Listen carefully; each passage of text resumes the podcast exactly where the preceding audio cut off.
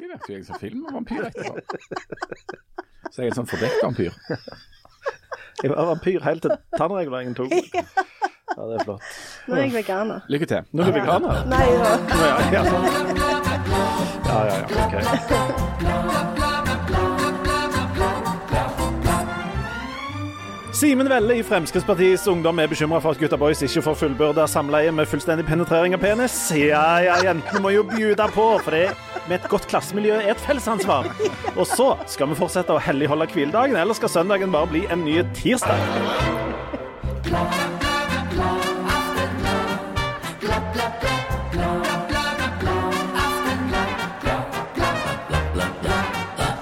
Og hjertelig velkommen til Dagsnytt 18. Her har vi med er en klovn, en bamse og Er du ustabil i dag, Anne?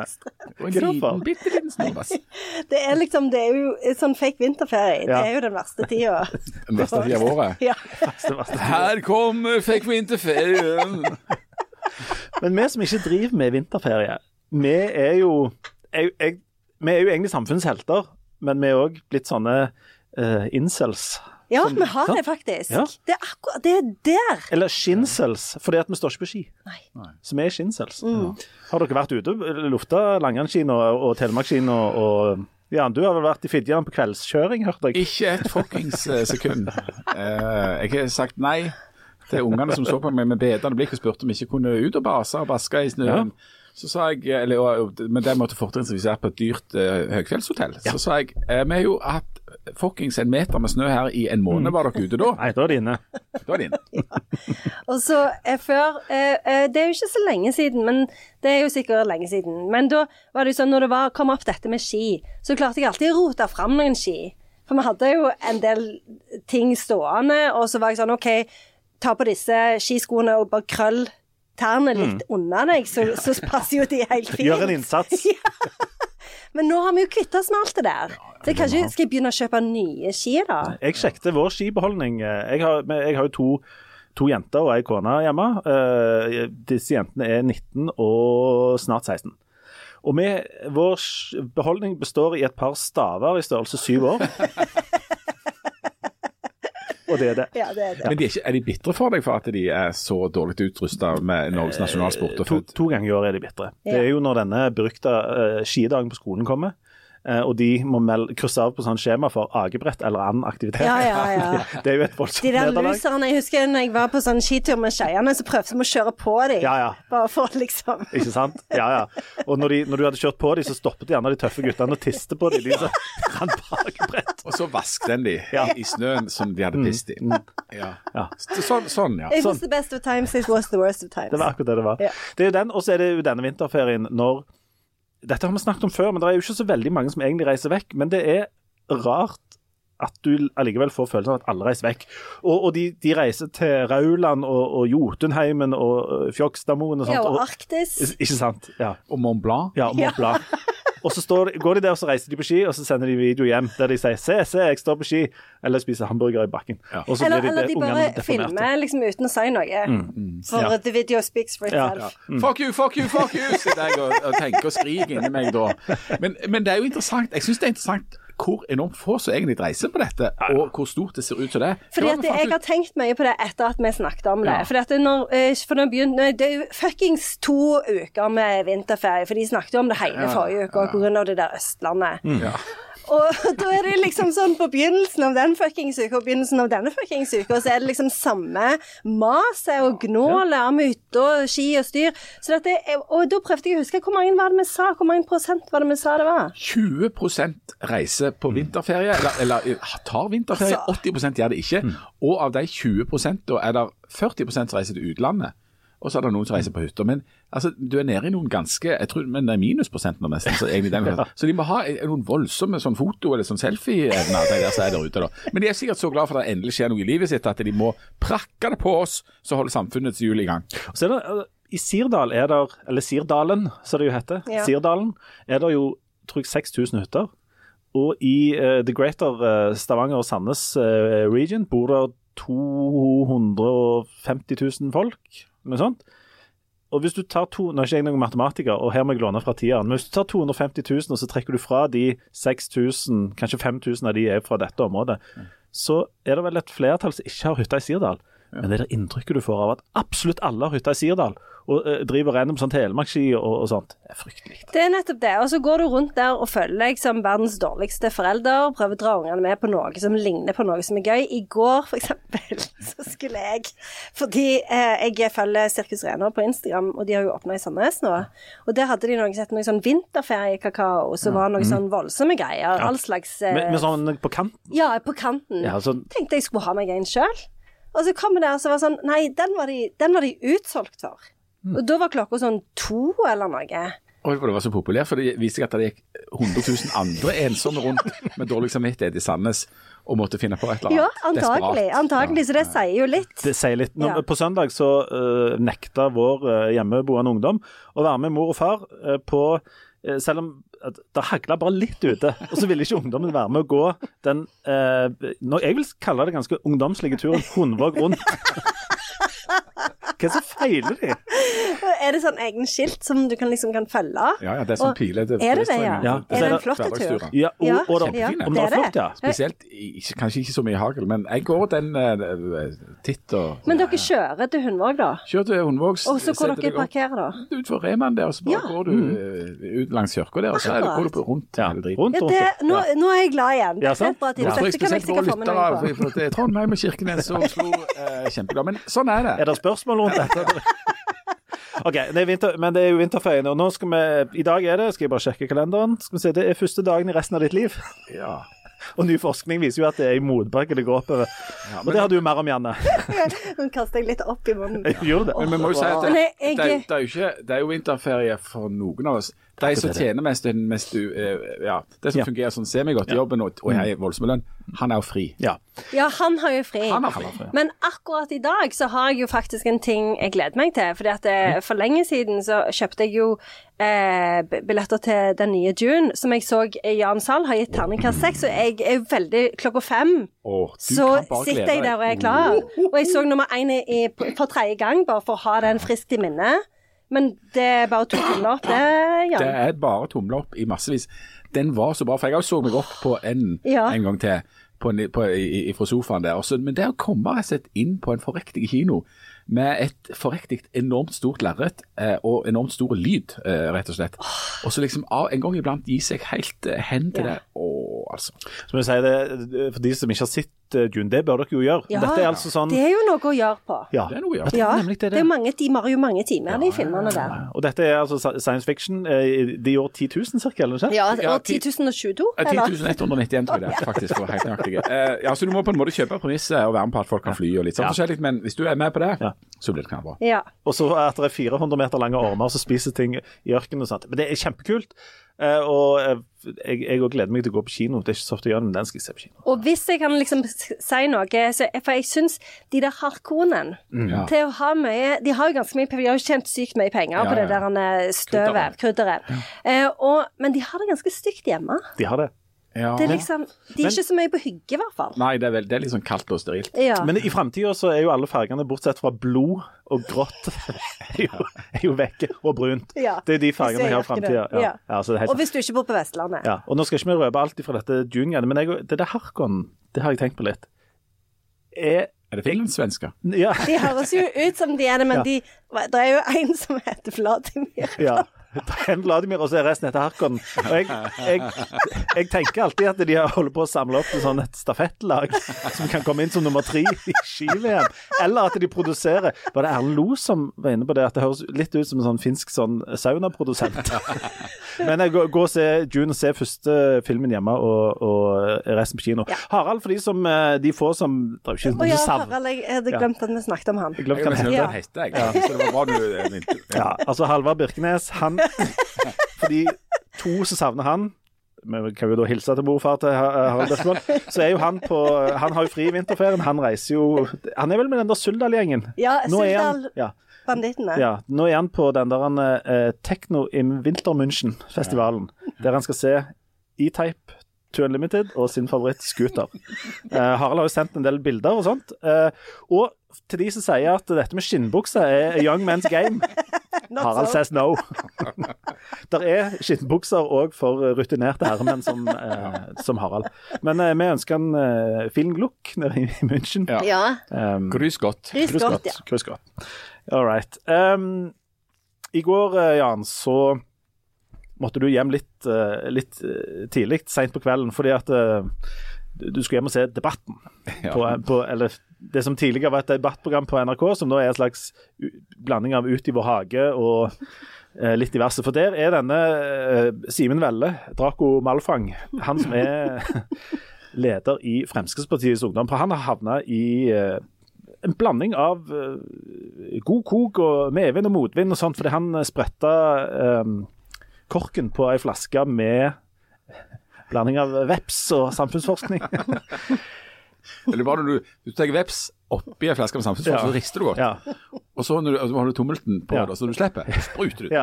Da kan du få støtte fra Stikkarter og kullsyre og en annen. Er voldsomt mye. Du kan få EU-støtte til en regional utvikling av et flott produkt. Ja, ja, ja. Nei, han har eh,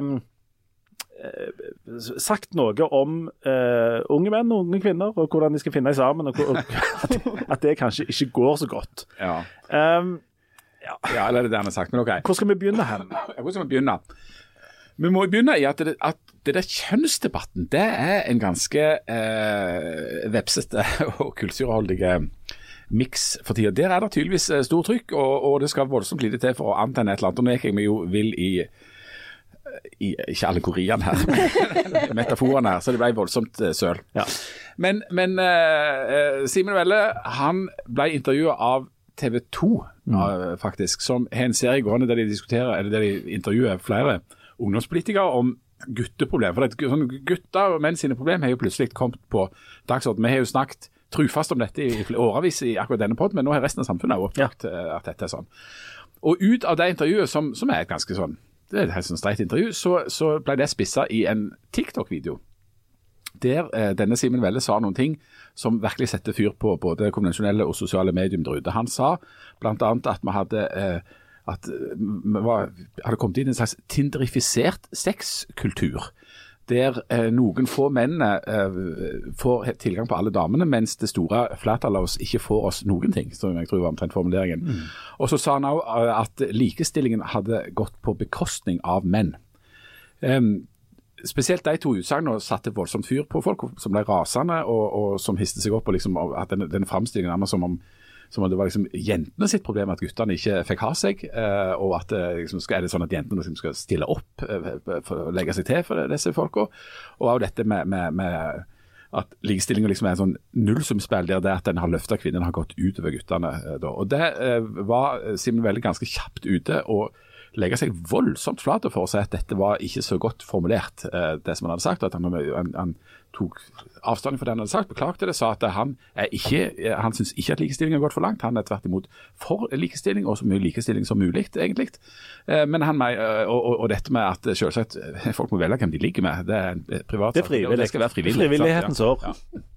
Så det, det har han sagt, men uten, uten at det nødvendigvis har hjulpet så voldsomt på debatten. For dette, den debatten som jeg da så i, i, natt etter jeg kom hjem fra quizen, der, der var det både en debattleder Fredrik Solang som bare ville snakke om ligging, og ikke om det som var substansen bak der. Og de eh, fra venstresida, som, som Simen Velle og etter hvert flere møtte på der, de forholdt seg ikke i det hele tatt til, at det, eh, til det som var beklagt. De forholdt seg bare til dette er som om man mente det fremdeles. Men, men jeg mener at en, i plassen for ren sånn vranglesing av både han og Ola Svenneby, som er leder for Unge Høyre, som har vært inne på noe av det samme, og flere av de andre som, som har uttalt seg i den debatten, så syns jeg at en skal se forbi det der sexgreiene som er en litt sånn eh, tullete omvei. Altså bare se på, altså, hvis, hvis, skal, hvis vi skal se på det med sex eh, og kjønnsmarked, som da blir veldig forsterka på Tinder, eh, så går det an å se på det som et symptom for noe som er interessant og og viktig å snakke om. Fordi at eh, attraktivitet på kjønnsmarkedet, som i sin ytterste konsekvens kan bety at du får pult, eh, henger i sammen med eh, noen ting eh, eh, som Altså, det er ikke helt tilfeldig hvem som lykkes i kjønnsmarkedet. Eh, det viser seg at damer liker best menn i stort som er eh, sosioøkonomisk vellykka, altså høy status. Hvis du i tillegg er over 1,80, altså at du er høy i tillegg, eh, så har du også bedre sjanse, og, og hvis du er fin. På Tinder så sveiper de visst vekk de som er under 1,80. Nei, ja. Men, men, men Det er kjipt for altså, Ja. oss ei- på 1,78. Det er derfor jeg ikke er på Tinder lenger, Ja, er fordi at jeg er akkurat 1,78. Kona ble òg litt sur, men det er stort sett da. Men sosioøkonomisk, det å være vellykka og være velstående hvis du i tillegg er pen, det er lurt hvis du skal lykkes på kjønnsmarkedet. Hva er den viktigste nøkkelen for å bli vellykka sosioøkonomisk sett, altså at du har høy utdanning og høy, inntekt og eh, gjør det godt der? Jo, det er utdanning. Uh, og egentlig jo høyere utdanning, jo høyere kan du komme på dette, som jo er et sånn klasse nærmest eh, system. Sånn at det kan godt hende at, at hvordan en gjør det i utdannings, på utdanningsmarkedet vil senere få konsekvenser for hvordan du gjør det på jobbmarkedet, vil òg få konsekvenser for hvordan du gjør det på kjønnsmarkedet. Og da kommer du på en måte til denne ligginga til, til Simen Velle. Det, det som er interessant, er at når han sier det, at, det dermed, at dette er et samfunnsproblem når så mange gutter faller ut av videregående utdanning og ikke lykkes i utdanningsmarkedet, og òg faller utenfor arbeidsmarkedet, og dermed også viser det seg faller utenfor mye av kjønnsmarkedet i en sånn grad at eh, blant 40-åringer menn i Norge i dag, så er en fjerdedel av de barnløse. Veldig mye, altså Menn skårer veldig dårlig på veldig mange statistikker. Veldig mye av det henger sammen med utdanningsløpet. Nøyaktig det samme står der i Stoltenberg-utvalget sin rapport som ble lagt fram i 2019, som var ledet av Camilla Stoltenberg. Den ble levert ett år før koronaen kom. Eh, Der ser de på dette som et samfunnsproblem. Eh, fordi det som skjer på utdanningsfeltet, som selv om Norge er det nest mest likestilte landet i verden, så er vi et av de mest kjønnsdelte utdanningssystemene som finnes i verden, eller i OECD-området. Det er så mye som, som, som, som går feil vei der for guttene, og det får så store konsekvenser for resten av livet at det er et samfunnsproblem. Og, derfor, og Hvis du tenker den omveien, så kan du si at Velle har et poeng i at det som da til slutt skjer på kjønnsmarkedet, har noen sånne underliggende ting som det burde være mulig å diskutere uten å gå aldeles i fistel uh, i en eller annen retning. Og i sånne diskusjoner så ender vi ofte opp med å diskutere sånn Ja, har likestillingen gått for langt? Det er jo en sånn øh, vanlig sånn floskel. Men lik, øh, kan- det var noen som påpekte at likestilling kan jo egentlig ikke gå for langt. For det, ligger jo i, i, i, i begrepet at likestilling er, er Da er det likt. Um, Det kan ikke bli for likt. det kan ikke bli for likt, nei. Det, er litt sånn sånn at bilen kan kjøre for mye eller for godt. Men, men Janne, reagerte du når du hørte Jeg så det der Simen Velle-greiene først. Jeg syns at det er veldig mange interessante diskusjoner eh, som skjer eh, akkurat nå. Jeg syns at eh, eh, eh, For at jeg har òg lagt merke til at når en snakker om likestilling nå for tida, så snakker en veldig ofte om ligging òg. Eh, og en snakker jo ikke bare om dette her med mm, incels som ikke liksom får seg noe, men òg dette med pornokultur. Um, som jo òg er et slags hinder for likestillingen. fordi at, Men det har jo mer, mer med sånn mann, mannlig voldsbruk å gjøre. At eh, menn har eh, høyere tilgang på porno, eh, og derfor så får en et sånn eh, veldig utydelig bilde av hva det vil si å ha sex, og så ender en opp med en del sånn voldshendelser. Menn og kvinner er jo like tilgang på porno, men Ja, det er flere men- menn men- som ser mer, men Ja, ja, ja, det er sant. Ja, selvfølgelig. Eh, For det, er jo, det er jo like, skal jo være likestilling Ja, ja, ja. på pornomarkedet òg. Men, jeg- men jeg bare syns For det um, Sånn som i, i um, Denne uka så var det jo en veldig interessant kommentar i Morgenbladet hvor det sto om um, eh, dette her med at mange menn Eller eh, denne her med at menn stemmer høyre, eller unge menn under 25 stemmer høyre.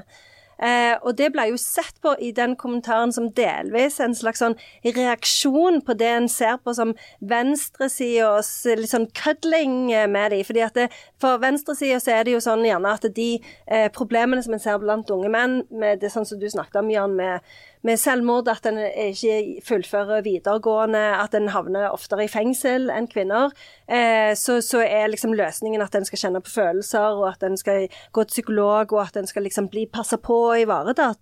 Og så er det jo en del unge menn som har gjort opprør mot dette. Det har vi snakket om litt i den podkasten den før, med at eh, det er mange unge menn som er så interessert i stoisisme, eh, som jo går på at du kan kontrollere dine egne følelser, kanskje, men du, altså, du kan ikke kontrollere hva som skjer med deg, men du kan kontrollere hvordan du reagerer på det. Og det er jo veldig sånn i tråd med Jordan Peterson og sånne ting. Og da eh, ser en jo eh, eh, i dette i sammenheng med denne høyrebølga, da, at det blir mer sånn at du tar hånd, hånd om ditt eget liv, og så kjøper du deg en sånn en Stanley Cup, og så drikker du helt sånn sykt mye vann, eh, og trener og ja, og står på, da. Dette, eh, og det er jo òg en slags sånn Det er jo òg en reaksjon på samme måte som han eh, velger sin reaksjon. Altså, for det, du, du, du, for det er jo ingen, ingen tvil om at vi har et problem. At vi har, vi har et problem når det gjelder dette med likestilling, og likestilling er jo for alle. Men, men jeg, jeg syns det er så enormt Beklager denne halsen min i dag. Enormt interessant med den responsen som, som da Velle og han, eh, for så vidt han i, i Høyre òg, Unge Høyre òg, får på dette. For at når dette blir sagt, så er det totalt fyr i sånn kommentarfeltet og sosiale medier og blant de snakkende i, i den snakkende klassen. Men hvis du ser akkurat på oppslutninga om disse partiene eh, blant unge menn, så er det helt åpenbart at deres verdensforståelse skiller seg da fra det der det blir så voldsomme fyr. For det tallet er jo at 60% av unge menn under 25 år stemte på enten Frp eller Høyre ved siste stortingsvalg.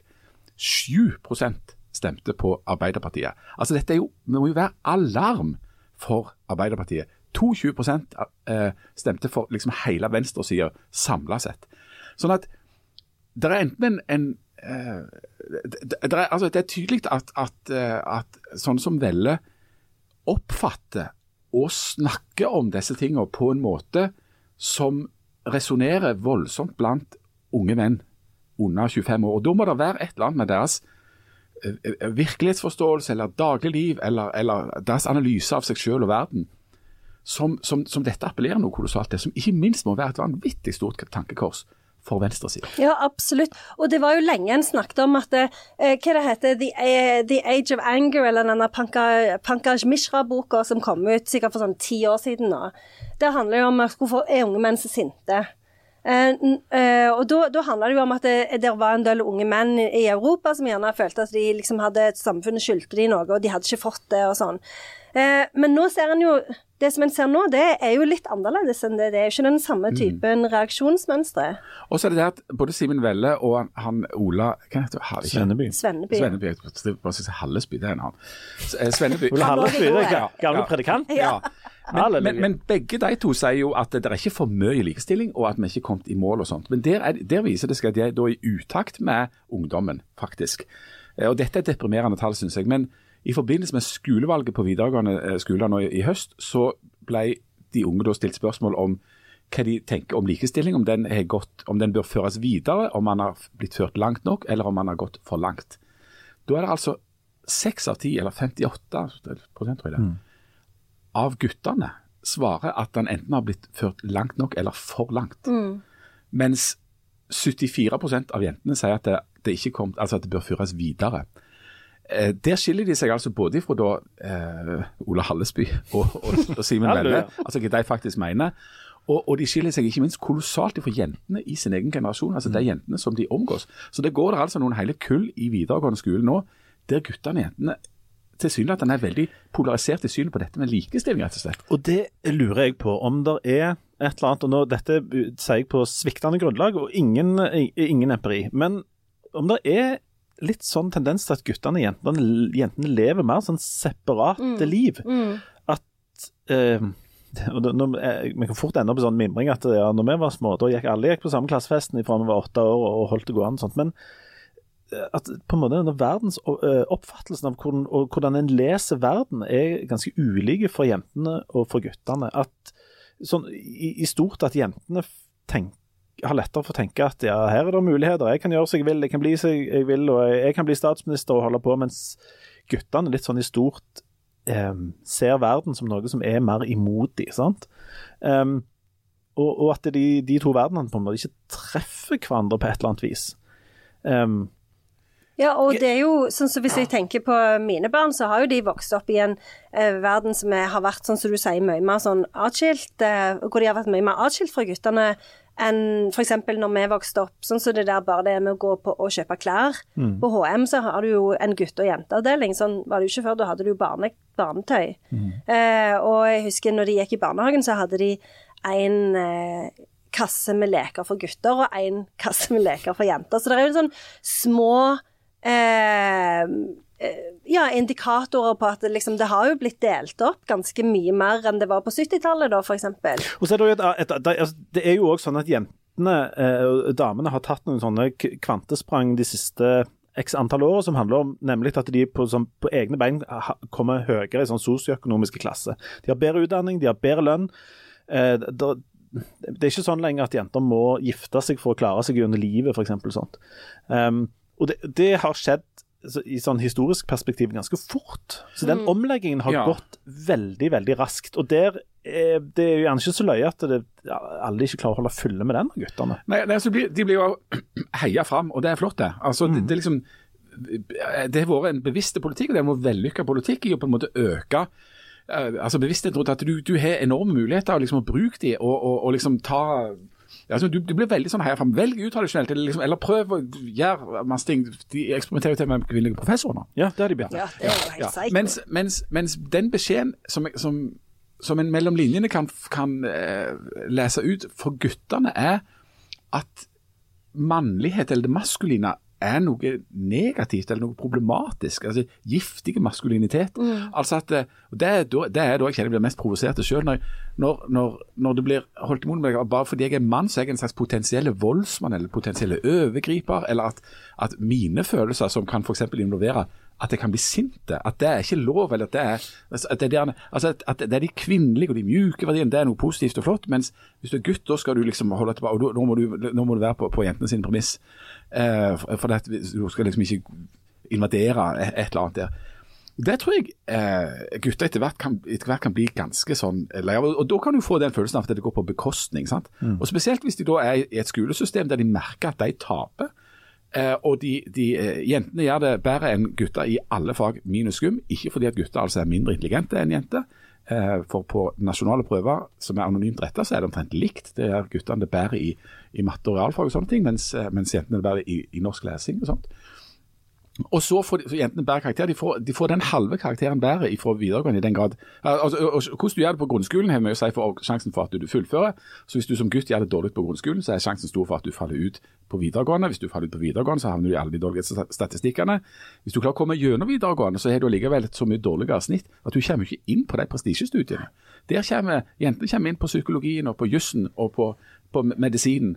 Eh, og så blir du samtidig fortalt at du er nærmest et problem, fordi at du er mann eller gutt. Det er jo ikke rart de blir som tenker 'hæ'?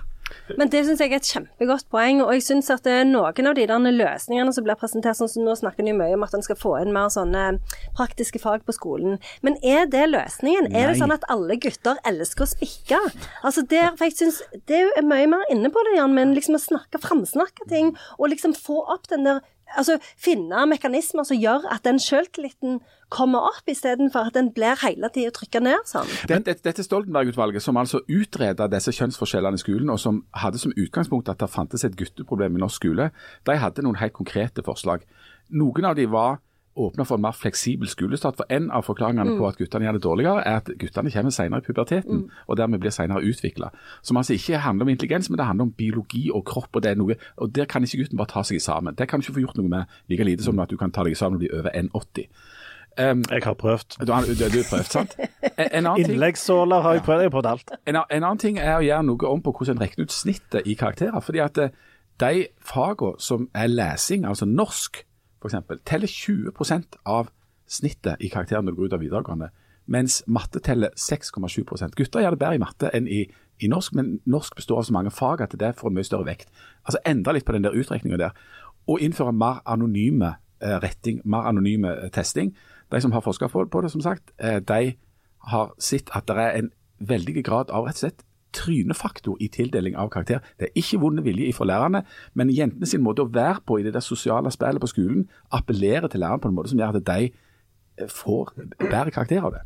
Sånn at Der ligger det noen helt konkrete ting, men igjen, den rapporten den ble lagt i en skuff. Ingen som har uh, sett på den senere. Og, og det der med denne, denne greien om at ja, nei, vi det så dårlig til lesing i, i Norge. Hva skal vi gjøre med det? Jo, da skal vi fjerne lesinga. Altså at du, Hvis det er vanskelig, da tar du vekk det vanskelige. Enten så, må, så kan du se på det som var i Stoltenberg-utvalget, eller så kan du se på hva er det de gjør i de landene der en gjør det godt da, i lesing og på skolen. Hva, hva er det da en holder på med? I Finland, eller eh, hvor det er? Sammenlignbare land, hvor, hva kan vi finne ut av det? Men nå er, det, nå er, nå er altså løsningen på problemet bare å ta vekk problemet, eller ta vekk det som er vanskelig. Da, øh, når øh, Simen øh, Velle og andre snakker om dette her, så er inngangen som, som vi har snakket om òg, noen ganger er rett og slett sex, altså sånn kjønnsmarked. Hvem får ha seg med hvem. Og det er, det, det er helt sikkert noe sant i det, og det er jo òg et sånt symptom på at, at hvis du aldri har deg, så vil du aldri få unger. Og det der med å havne i sånne faste forhold, f.eks. Um, veldig mange menn går gjennom ufrivillig uh, single og barnløse. øh, Flere og flere.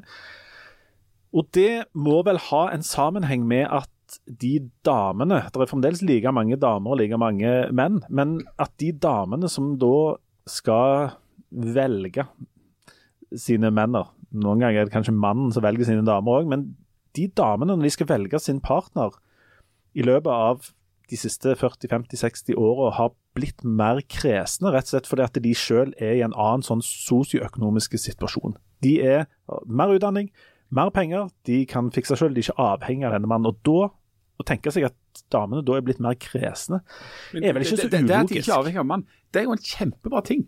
Nemlig, ja, det er jo akkurat det. Ja. Absolutt. Ja. Absolutt. Ja. Men, det, men, men da er Det er jo et mye bedre samfunn Ja. på den måten. Ja, du gjør det. Ja. Men du får ikke et samfunn der du får fødselsraten, så du får et samfunn der vi ikke. går på en, sånn, en, en smell der. Ja, for i stort Men, men kan, du, kan du kjefte på damene for å ha blitt mer kresne? Det, det er noe av det som jeg syns er litt sånn ullent i denne kritikken fra disse høyreguttene, er at det ligger et sånn et lag av at de, på et eller annet nivå så er damene for kresne. Altså, kom igjen. Det er greit nok at du har et hovedfag i Midtøsten-studier og, et, og er økonomisk professor og sånn, men eh, du bør gifte deg med en rørlegger og liksom skjerpe deg litt og ikke være så kresen. Ja, men Kanskje er vi tilbake til det med likestilling da, og, og, og, og altså like muligheter. Um, fordi at, Dette har jeg sagt mange ganger før, men når, når likestillingsloven ble innført i 1978, så var det et problem at 60% av de som gikk i høyere utdanning, var menn, og 40% damer. Ehm, nå 50 år senere så er, jo, så er det helt snudd på hodet. Sånn at nå er det 61% damer og 40 eller 39 menn. Der er det jo en slags ubalanse. Og Hvis den ubalansen bl.a. skyldes en del strukturer nedover i skolesystemet, så har jo eh, guttene blitt utsatt for en slags form for ulikebehandling som gjør at de ikke har sjans på den, det utdanningsmarkedet. Sånn at Hvis det hadde vært reell likestilling der, altså, Ideelt sett, jeg tror alle kommer til å komme dit, men reelt sett så burde det vært 50-50 i høyere utdanning. Da ville det vært større sjanse for at det var eh, en, en større match der, bare i kraft av det. da. Så du får den ubalansen. I, jeg leste av en annen plass at jeg tror i 2040 så, så tror jeg SSB har beregnet at 89% av damene kommer til å ha høyere utdanning, mens tallet for gutter er 40-50 altså, mm. det, det er en sånn, det er jo der mismatchen ligger, det er der, og det er der det hadde trengt eh, likestillingspolitikk, f.eks. Og det, og Ja, for det er jo sånn som du sier, at det er jo, denne utviklingen har jo gått veldig, veldig fort. Og så har kanskje ikke de der eh, jeg vet ikke om en kan kalle det for fordommer, men sånne, eh, det, sånne forbilder da fra gamle dager, de har gjerne ikke endret seg så mye. Sånn at kvinner fremdeles for kvinner, så er det eh, disse her eh, tingene som en ser etter, de, de er knyttet opp mot en helt annen tid, når de selv ikke hadde utdanning eller eh, godt betalt jobb og sånne ting da. Ja, Brannfakkel kan òg henge litt sammen med biologi. Ja, det altså, kan jo dra en Darwin. Men, ja, men, men, men, men, ja. sex og tiltrekning og, og, og parforhold er natur. Det er ikke Altså, det ligger dypt i oss. Det er, in, det er instinktive ting. Um, Men det er jo ikke noe Altså, det kan jo ha med biologi å gjøre, men det er jo ikke noe Altså, det er jo ikke noe større grunn til at liksom eh, At mannen skal være alfaen i forholdet, enn at kvinnen skal være det. nei, men skal vi ta den biologiske forklaringen på, på Eller hvordan, altså, som biolog i vulgærversjon fritt fra minne dette? Ja, det skal vi gjøre. Men Ja. det, vi skal bare ha en liten pause først. Og så skal Jan eh, fortelle fritt fra minne om biologien. Og så skal dere òg få høre en flott seanse der tre eh, litt for eh, gamle folk raller om hva vi tror om Tinder. som vi ikke har greie på. Ja, for jeg har hørt noe på Tinder på radioen. Oi, oi, oi, oi, Så oi. jeg, kan, Jeg har lest noe på Tinder, men jeg prøver å skjule appen for koronaopplevelsen. OK, vi er snart tilbake.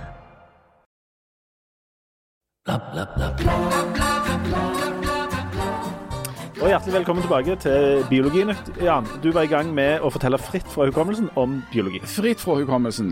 Um, det som ligger grunnleggende i alle slags levende arter, det er jo å eh, forplante seg og føre eh, slekta videre. Eh, Der eh, er det sånn at vi, noen er utstyrt med utoverpilt, og noen med andre er innoverpilt. si. Nå burde vi trengt ei tavle, for nå har jeg, kjenner jeg allerede begynner å dette litt ut. Men altså, hvis du skal få genene dine til å gå videre Hank og Theod. Hank og Theod. Eh, hvis du er, eh, hvis du er hukjønn som føder barnet, og som må rett og slett rent fysisk for menneskets del i hvert fall være veldig tett på å mate eh, og skape så stor trygghet som mulig rundt dette barnet. Og det er grenser for hvor mange barn du egentlig eller hvor, hvor mange barn du kan få i det hele tatt. Det du vil sånn biologisk sett være mest opptatt av da, det er trygghet og sikkerhet. Altså at du, at du eh, det, det er en trygghet i rammen der over lang tid. Men Hanna eh, har ikke den samme, det der samme nære forhold til, til, til avkommet sitt, at de må sitte og, og, og, og amme det i, i årevis etterpå. Der kan det ligge en vel så logisk strategi, dette ser det dyreriket være, å spre genene sine på så mange som mulig, og bare sette det ut eh, rundt omkring. Eh, der kan det hende at det ligger en, en, altså en, en ulikeholdning da, og det er der det der pen søker trygg kommer inn. Ja, altså, ja, altså, at, at, jeg er med på det. At, at, ei dame blir interessert i en altså, som skal være flott kar, for det tyder også på gode gener. Høye, gode gener. Men hvis du da kan Nei, tilby 78 holder, altså. Jeg Ja. må bare si det. hvis, men hvis du, kan, altså, hvis du kan tilby økonomisk trygghet, sikkerhet, eh, at det er stabile rammer rundt dette, her, så vil det være logisk både rasjonelt sett og biologisk. Jeg er med på det, men, men samtidig så er det jo eh, andre verdier òg. Altså, sånn som det med trygghet kan jo være at du ser at en mann har mye omsorg i seg, eh, og at han er gild. Så det trenger jo ikke nødvendig altså, jeg tenker Noen av disse verdiene er jo garantert kulturelle òg. Og så tror jeg, og det, med verdien gilde, den må vi holde fast i til når vi skal til Tinder. Men bare for å si en siste ting om likestillingspolitikken. For at den som har et inntrykk av at likestillingspolitikken har vært i overkant retta mot kvinner, den har helt rett. Ja, men det er jo For- som seg hører bør. Fordi eh, Er det det Jo, jo, 2024? fram til nå Ja, har det jo vært det. Nå må vi jo Formuleringen i likestillings, altså, for likestillingsloven handler om akkurat det. I likestillingsloven så står det Loven tar særlig sikte på å bedre kvinners og så har det kommet inn en ny i revisjon, og minoriteters stilling. Det står ikke ett ord om menn i likestillingsloven. Derfor har jeg tidligere argumentert for at den likestillingsloven må endres til òg å omfatte menn. Da kan du begynne å nærme deg en likestillingspolitikk som tar sikte på likebehandling. Men dette med gildhet, etter det jeg forstår på Tinder, så er det komplisert å, å, å få fram. Ja, for dette, eh, og jeg òg har hørt dette med høyde. For jeg hørte på radioen den andre dagen så var det jo jeg som skrevet masteroppgave om Tinder. Og da var det sånn at eh, de Hva er det de ser på? De ser på om du de ser, ja. og så- de ser vel på trent? Ja, Trent ja, ja. Og så ser de på pen, og så ser de på høyde. Ja. Og av og til ser de på det ene, og av og til ser de på det andre. Det er mitt inntrykk Mm. ut fra P2.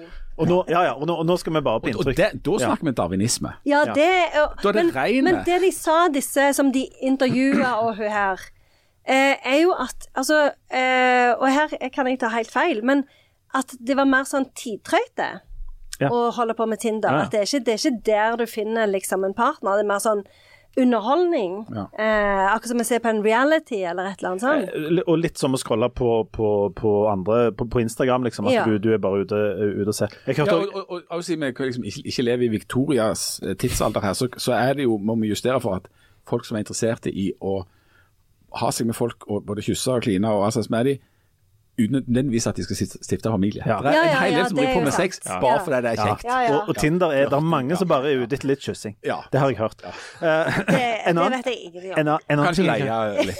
Leie i hånda når du går hundvåg rundt. Ja. I hagl. Det er sånn, ja Jeg er mellomleder i kommunen. Er du interessert i å være med med 100 kroner? Jeg har hørt, og dette er bare dette er hearsay, ingen dokumentasjon på dette, men at det òg er greia på sånn Tinder at eh, Eller når det gjelder å skal finne en, en, en kjekk partner, da, så er det noe, noen som har en del damer som legger lista med Altså, de skal ikke ha jeg, Ingen mellomleder. Altså, du må Oi. øve mellomledersjiktet hvis du skal være noe interessant. Så du ser òg på det. Ja. For det legger du ut, liksom. Hva du gjør. Altså Ja. hva som er jobben din. Jeg, jeg tror det. Jeg kan jo ikke legge ut min ekte jobb, for da blir jeg avslørt at det er meg på, på Kanskje du, Tinder. sånn. du kan vel skrive noe sånn politisk kommentar? Ja, det kan jeg gjøre. Sånn, er Det kan jeg si på ene siden, på andre siden, og så holde på. Du, Men du er jo gift, så det er jo et problem for deg det er et problem. når du er på Tinder. Ja, men jeg skriver en del kommentarer under pseudonym Harald Birkevold. Eller Hilde Øverbekk, når det passer. Nei, um, det, det er jo ingen av oss eh, som, i hvert fall av det jeg vet, som har drevet med Tinder, er det det? Ikke bare ett sekund på Tinder, jeg har bare hørt om det. Men jeg vet Ja. ikke det. Nei, ikke jeg heller, men jeg, jeg vet jo at du skal sveipe enten til høyre eller venstre. Ja. Og det er liksom tommel opp eller tommel ned? Det. Ja, det, det, men jeg vet ikke hva som er hva. Men Tinder virker som et, eh, et, en ganske sånn nådeløs plass, Ja. der det er på en måte litt sånn som i resten av samfunnet, der de sterke klarer seg veldig godt, og de som ikke er så sterke, ikke klarer seg så veldig godt. Og så har vi kanskje lagt et problem da, hvis alle jentene blir eh, sånn eh, Har en eh, master i biologi eller er tannlege, og alle guttene er, er forskalingssnekkere og sånt. Hva slags fester skal de egentlig møtes på? Fordi altså, hvis du skal finne deg en partner, så må du finne den på et eller annet vis. sant? Ja, du må Og- jo treffes må på en treffes. arena. Og det, det fikk meg til å tenke litt Hvordan traff folk hverandre før? Altså, min taktikk var jo å begynne i gospelkor. For der, eh, der, var, jo, eh, der var det godt utvalg, sant? Ja, og veldig sånn positive folk. Ja, Fire gutter og, og 70 fine, fine Og du spilte alle instrumentene. Selvfølgelig. Ja. sant? Ja, ja. Spiller på alle strengene. Jeg kunne spille ballstrengene. Og hvis, du, hvis noen er litt stive i skuldrene, så Ja, Jeg føler jeg alltid går i paret. Men altså, folk har jo til, til alle tider klart å treffe hverandre på en måte uten sånn Ja, ja. apper og sånt. Mm. Og, um, og jeg eh, traff jo liksom eh, hun som jeg er gift med for øyeblikket, litt sånn via via. Oi, sånn sosial en eller annen sånn sosial ting, og via noen venners venner og venner og sånt. Hvor, hvor hang dere opp sånn på oppslagstavla på, på ungdomsskolen, sånn interessert i fast følge, ring 51 62 62 18 eller et eller annet sånt? Eller hvordan, hvordan kom dere sammen liksom, med de dere er sammen med nå? Vi gikk i samme klasse Dere gikk samme klasse? På, på videregående. på videregående, ja. OK? Ja, men det er Og brukbart. så hjalp han meg med matten. Uh, for han var bedre i matte enn deg. Ja, Du var bedre i norsk enn han. Eh, Nei, eh, ja, Ja. kanskje litt. Men ja. ja. Men det er jo klassisk sånn eh, Ja, bodde i nærheten av hverandre. Men vi holder på Og Jan, du vil gjerne fortelle du òg, eller for jeg skulle bare si noe annet. Nei, si noe. Nei, ja, si noe. Jo, bare det at eh, vi holder på å se Seinfeld på ny. For, sånn, for det, hun, hun yngste har ikke, sagt, har ikke sett det ennå. Og jeg syns jo det er veldig interessant hvordan de treffer hverandre. For der er det jo mye dating og sånn. Og da er det jo sånn at du Men de er jo i New York City, da. Så, men likevel så er det jo litt sånn at De blir satt opp med folk. At noen kjenner noen som er single, og kanskje dere blir sammen, eller Eller så treffer de folk, og så tilfeldigvis og De er mye mer sånn on the hunt i dagliglivet, virker det som. Eh, så, så det syns jeg er en interessant eh, Fra dokumentarserien. Ja, og det der med at du må sitte og vente på fasttelefonen på at Ja. den skal ringe, det var jo grusomme tider. Men det, det virker som om nå er det eh, hvis ikke, altså Folk finner hverandre på Tinder. Hvis ikke du finner Men det, gjør de det? Men gjør de det? Det er det jeg ikke vet om de gjør. Om de finner hverandre på Tinder. For det Ganske mange finner hverandre på Tinder, men det er ikke nødvendigvis det som fører til de der langvarige Nei, nemlig. Og så er det jo ikke bare Tinder, da. Det finnes masse apper. sånn at Ja. Det er veldig mange Ja. som møter hverandre via apper, men appene har ulike karakterer og bruksområder, etter det jeg forstår. Og så finner folk litt sånn i sammen eh, litt seinere i livet. Det er ikke alle som blir sammen når de er 14 og sånt. Det har jeg òg tenkt på. Ja, ikke sant. Hadde jeg visst det jeg visste i dag, så hadde jeg aldri jeg hadde valgt, valgt helt annerledes. Sa Janne stille. Um, Nei, det hadde jeg ikke. Nei, nei, ikke, ikke jeg heller. Men um, folk har kanskje òg andre krav når de begynner å lete etter en sånn fast partner når de er blitt sånn 38. Ja, det vil jeg tro Hæ? at du gjør. Ja. Og da er det jo litt sånn du du, du blir jo voksen sammen på en annen måte hvis du treffer hverandre i begynnelsen av 20 år, f.eks., enn hvis du er 38 og allerede Ja. vet hvem du er og hva du vil ha av livet.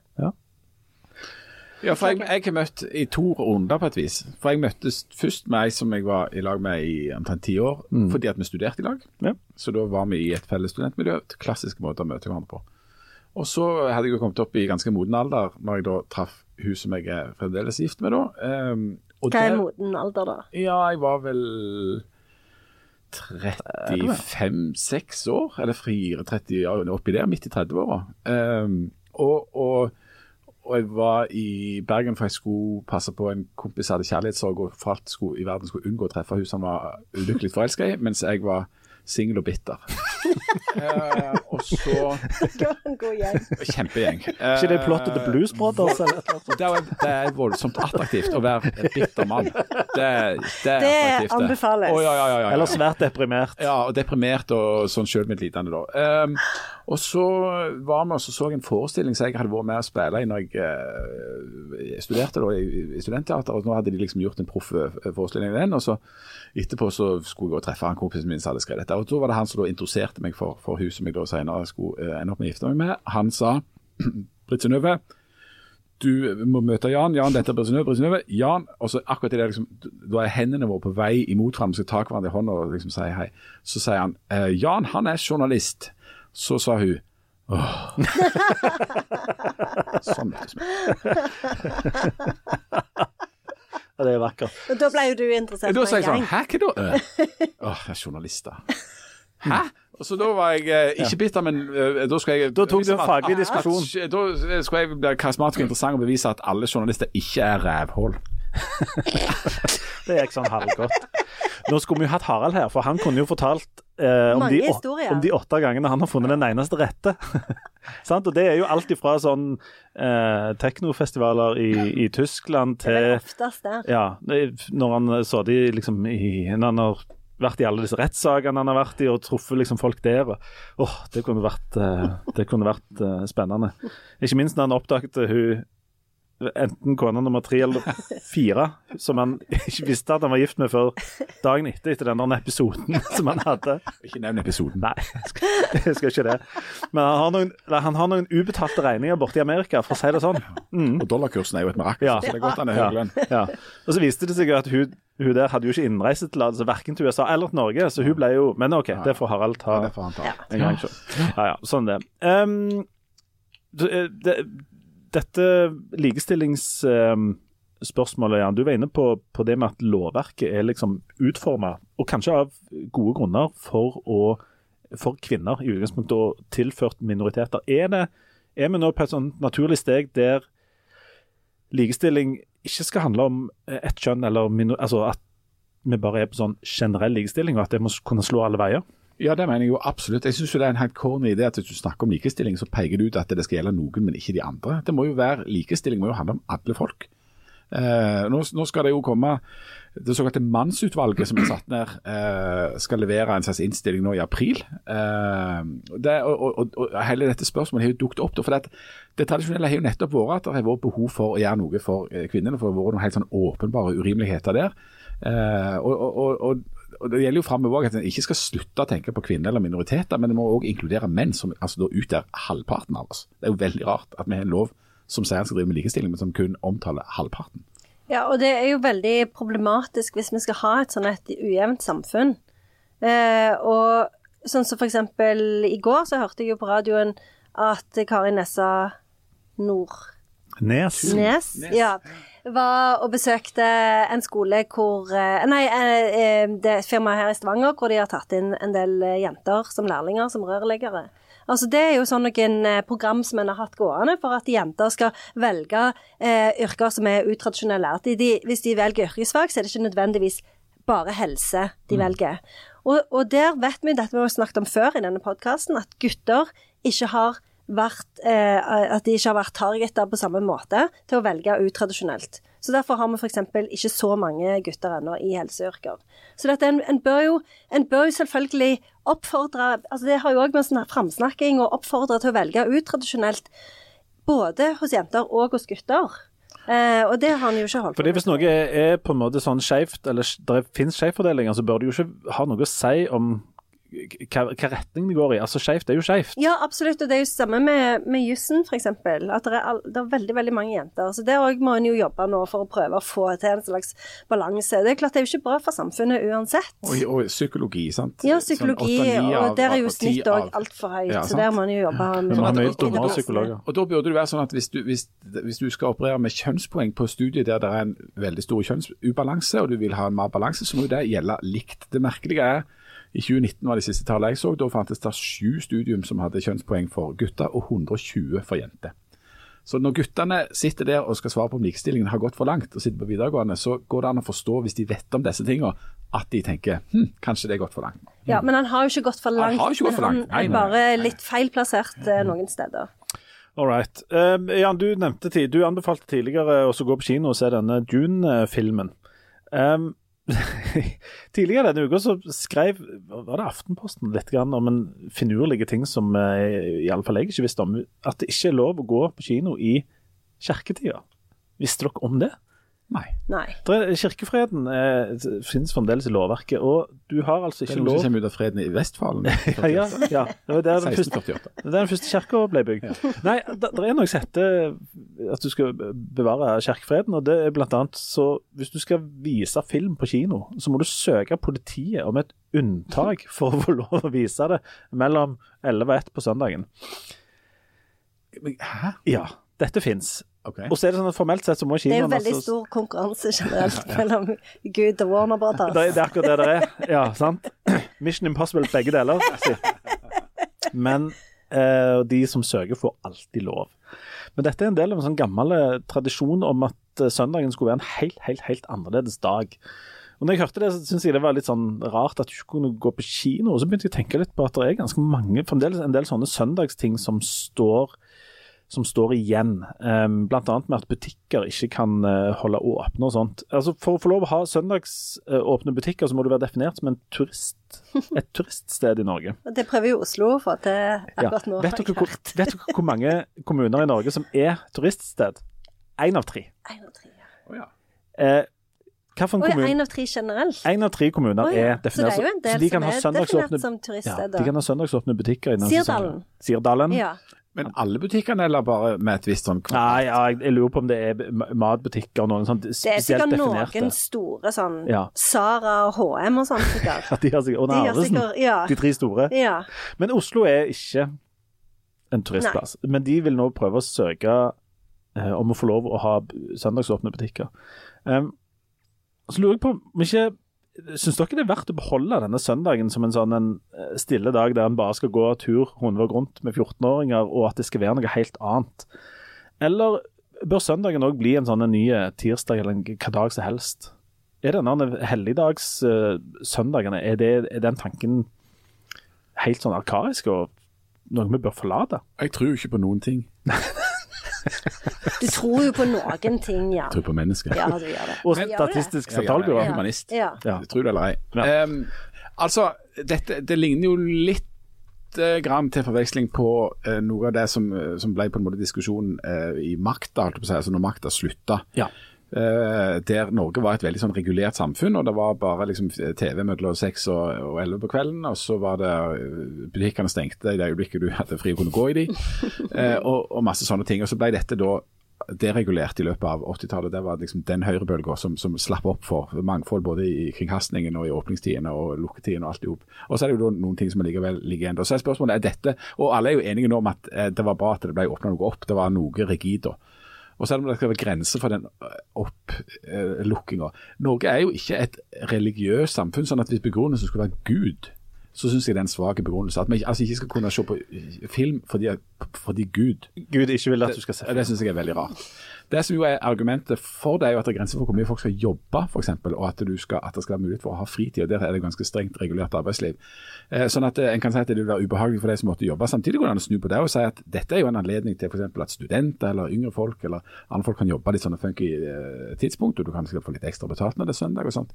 Så da er det litt mer sånn opp til folk hvis, hvis de har lyst til det, så kjør på, liksom. Men jeg vet ikke hva jeg skulle være altså det, Hva bruker du det? Du går rundt hundvåg rundt, da? Alene? Søndagen? Ja. Eller hva, hva er det vi skal gjøre hvis det skal være en stille dag? Nei, Og Hva er han seg på hvilken måte ifra lørdagen? ja nei, altså, stenger det av litt tidligere. Tanken er, Ja, men er i ditt liv, ja. hva er forskjellen på lørdag og søndag? Nei, på lørdagen gjør jeg, jeg, jeg I mitt liv gjør jeg jo ikke så veldig mye. Jeg sitter jo stort sett på ræva, liksom.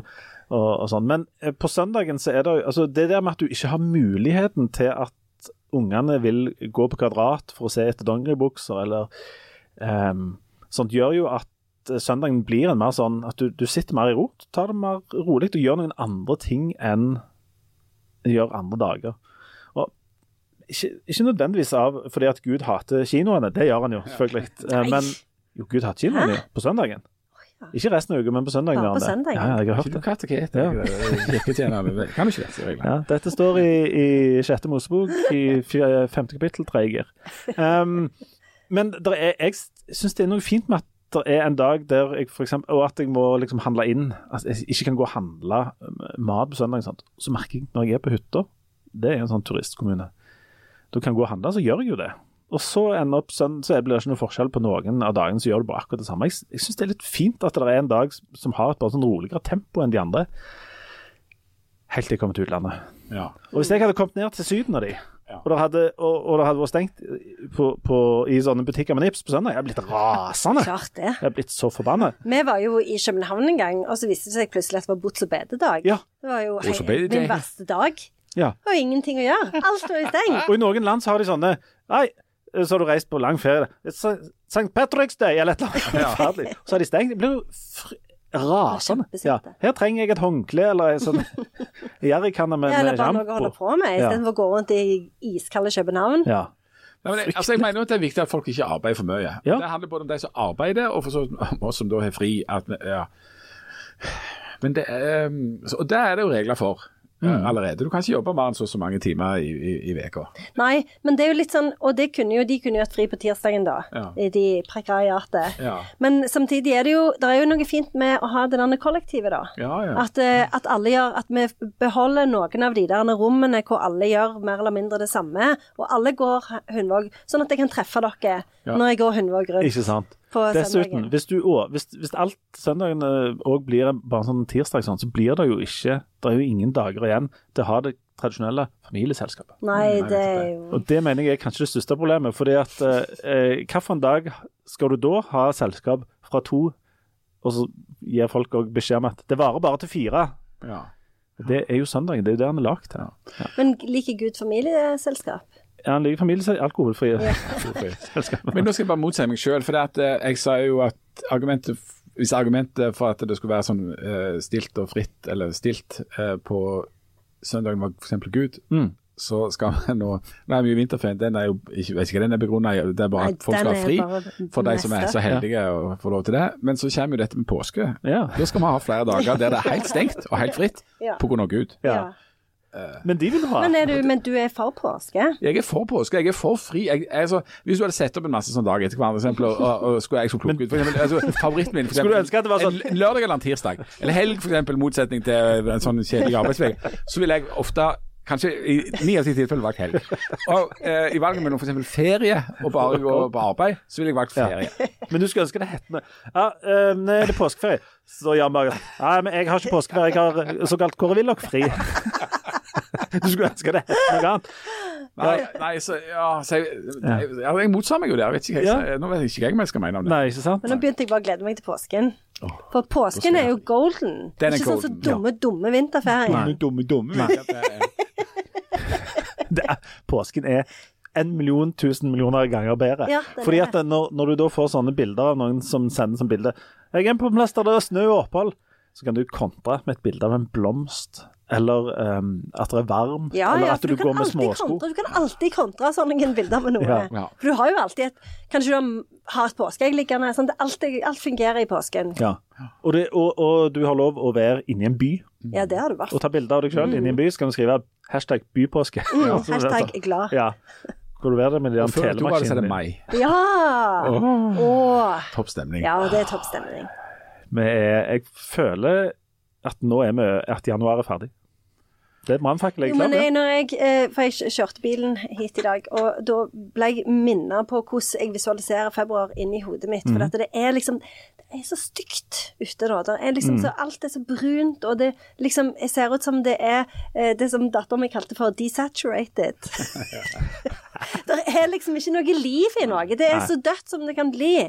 Og det er liksom, sånn, du blir litt sånn motløs av det. Så, så det er mye bedre når det begynner å bli litt sånn april og mai, og ting spretter, og du ser liksom at pff, pff, pff, pff, det er liv overalt. Og vi velger oss jo april, meg og deg, Janne. Vi gjør jo det. Ja. Vi gjør jo det. I april så skal jo vi med, ja, Da skal vi vel gå ut og spise og alt, Ja. skal vi ikke det? Ja. Ja. absolutt. Skal gå håndvåg rundt. voldsomt. Ja. Du, om dere visualiserer månedene oppi hodet deres, ja. sant? gjør du det igjen? Nei. Jeg òg gjør det. betyr engang? Hva visualiserer jeg for meg? At du har et slags årshjul der du ser Sånn hvor- at, mentale bilder. hvordan månedene ser, ser ut. Er det digitalt? Ja, det, er- nei, det er halvdigitalt. Det er Tinder du kan sveipe, liksom.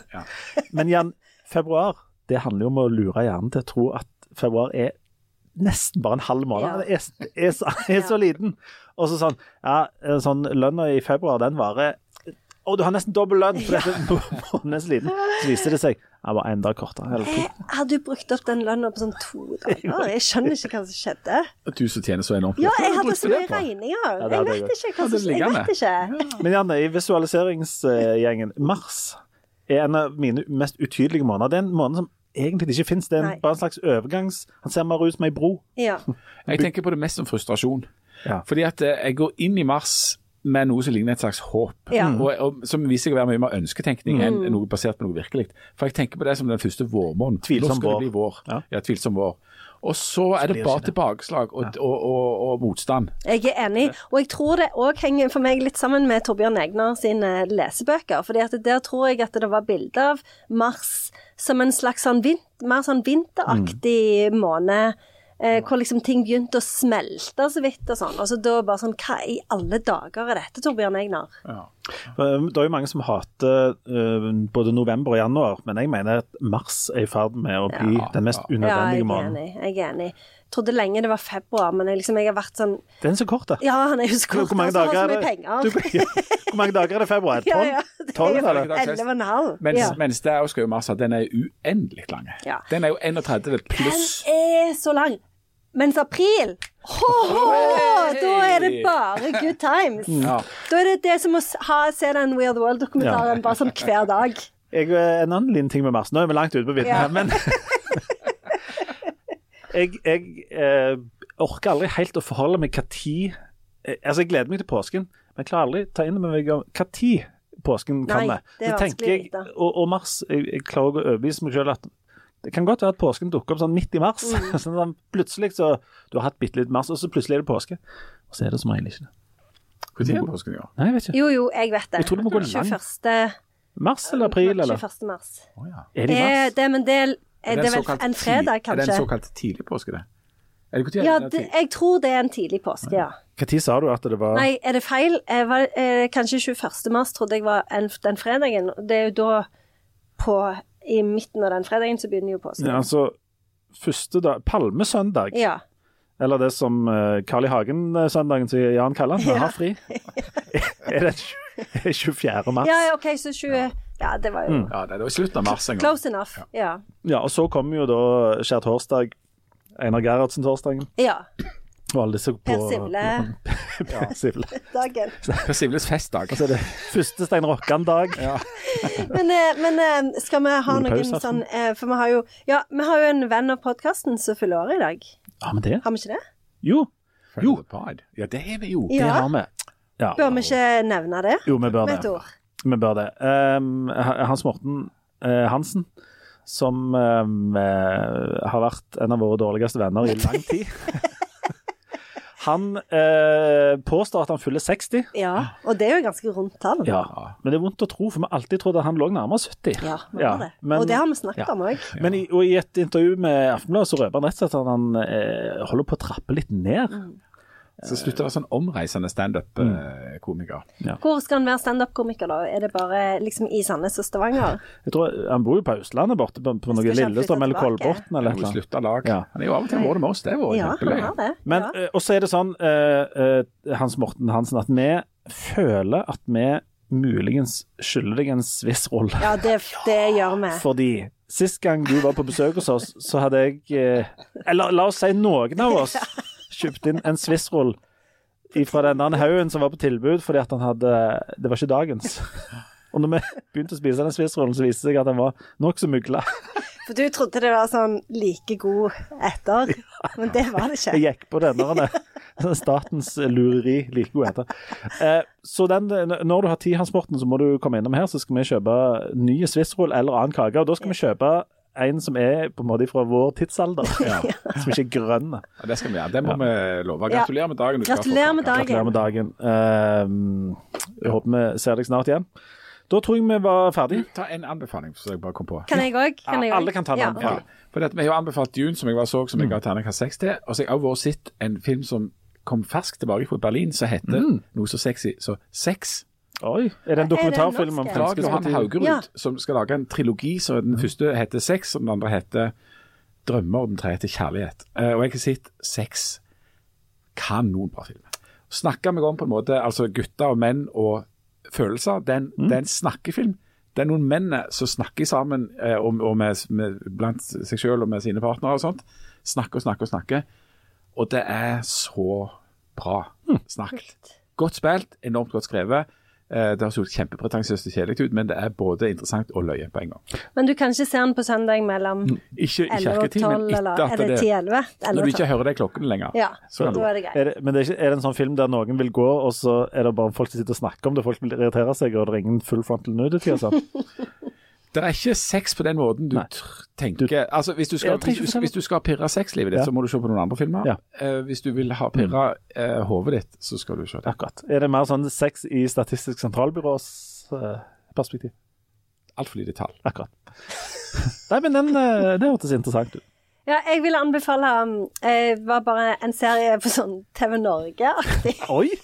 Som eh, var, kom med første episode i går, som jeg syns var veldig løyen. Som var med hun Linn Skåber og hun Ine Jansson, eh, som heter Null stjerner.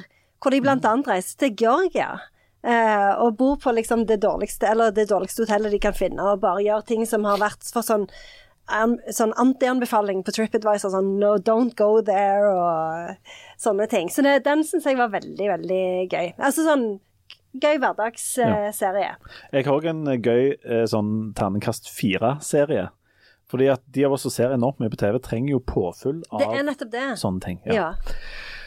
Um, og jeg kom litt sånn uforvarende til å begynne å se en, epis- en serie som heter For All Mankind, som går på Apple Pluss. Den er ikke kjempebra, men den eh, bygger på et ganske interessant premiss, nemlig at eh, romkappløpet aldri tar slutt. At USA og Sovjetunionen og etter hvert sånne private fortsetter dette romkappløpet, og at alt handler om å utvikle rom og reise og bygge og sånt.